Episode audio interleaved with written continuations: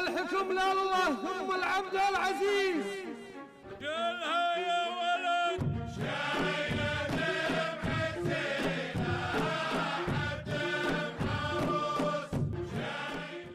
فبراير شهر مميز ما فيها شك. قد تعتقد أنه السبب أصل الكلمة اللاتيني وهو purify يعني البداية الجديدة النقية. وكأنه فعلا بداية كل رحلة جديدة خالية من الشوائب.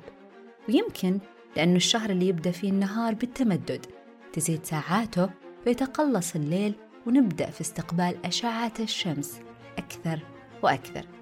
يمكن لأنه الشهر اللي تصلنا فيه وعود الأرض ببداية فصل الربيع ويمكن بل الأكيد لأنه موعد احتفالنا بمناسبة هي الأهم مناسبة تذكرنا بتفتح زهور الازدهار في حياة كل من يعيش في السعودية.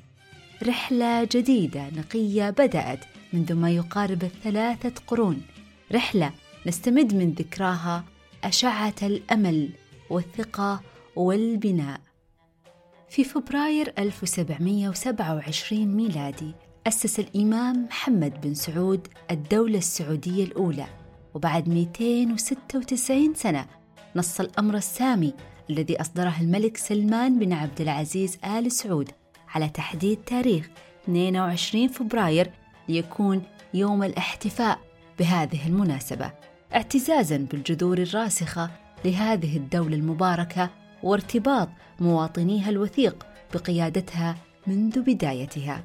يكون يوم الثاني والعشرين من فبراير من كل عام يوما لذكرى تأسيس الدولة السعودية باسم يوم التأسيس. نعم نحتفي بيوم التأسيس الذي حملت قصته الهوية البصرية لهذا اليوم. رجل يحمل راية معلنا التفات الشعب حول راية واحدة بعد سنوات من التشتت والاقتتال بينما الصور التي تدور حول حامل الراية تمثل قيم قوة دولتنا منذ تأسيسها وهي النخلة تعبيرا عن قوة النماء الصقر تعبيرا عن الشجاعة. الخيل تعبيرا عن الفروسية. ثم السوق تعبيرا عن قوة الاقتصاد وحركة السوق. كلمة أخيرة يقدمها فريق ساندويتش ورقي بكل صدق. كلما أخذ منا الجهد كل ما أخذ. وتعاقبت الصعوبات في طريق عملنا. وكلما حام اليأس فوق مكاتبنا. وهاجمت الشكوك قراراتنا. يأتينا 22 فبراير. بكل ما فيه من معاني الصمود والقوة وإشراق المستقبل ليعيد لنا ألوان التفاؤل ويشحن طاقتنا بأشعة فبراير التي تعدنا بربيع الأيام اللي عشناها منذ التأسيس ونعيشها في حاضرنا العظيم. وراح نعيشها بعون الله بمستقبلنا المشرق. فعلا نحمد الله جت على من تمنى.